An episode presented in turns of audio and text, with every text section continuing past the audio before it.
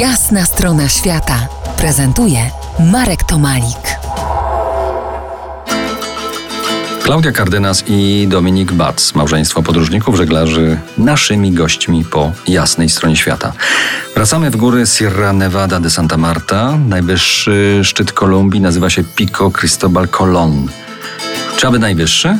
Czy może ten sąsiedni gdzieś tam kawałek dalej, Simon Bolivar?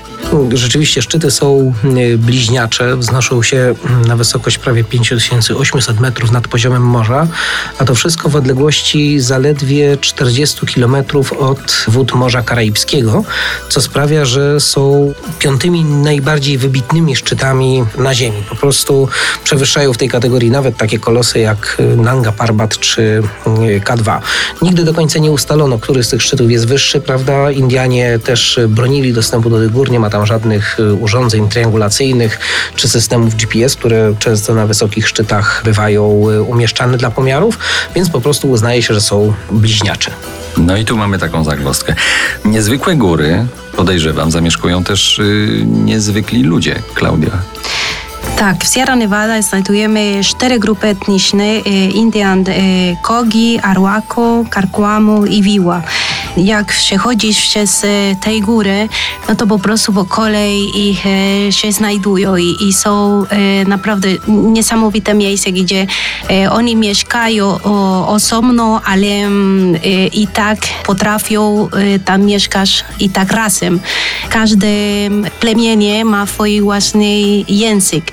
I to jest rzecz, o której jest bardzo ciekawa, bo jak oni się chcą zrozumiewać między nimi, no to wtedy używają e, hiszpańskiego. Czyli jednak ten hiszpański tam jakoś, jakoś jest.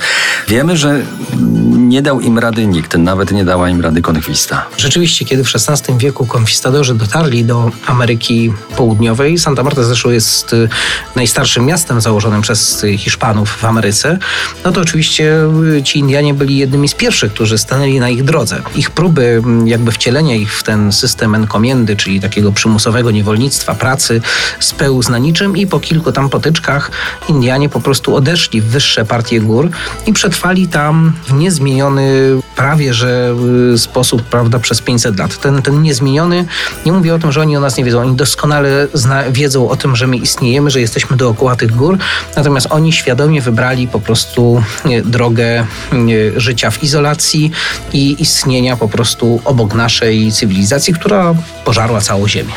jeszcze jeden smaczek, bardzo ciekawy. Tam urodził się i żył kolumbijski noblista Gabriel García Márquez.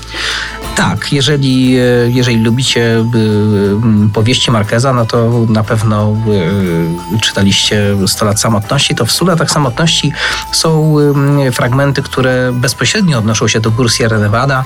W, jednych, w jednym z takich fragmentów jest napisane, z tych gór spływały rzeki, a w nich tkwiły głazy, głazy wielkie jak jaja prehistorycznych ptaków. To dokładnie tak wyglądają te, te, te rzeki spływające z wiecznych lodowców Sierra Nevada de Santa Marta. Do rozmowy z Klaudią i Dominikiem powrócimy za kilkanaście minut. Zostańcie z nami po jasnej stronie świata. To jest jasna strona świata w RMS Classic.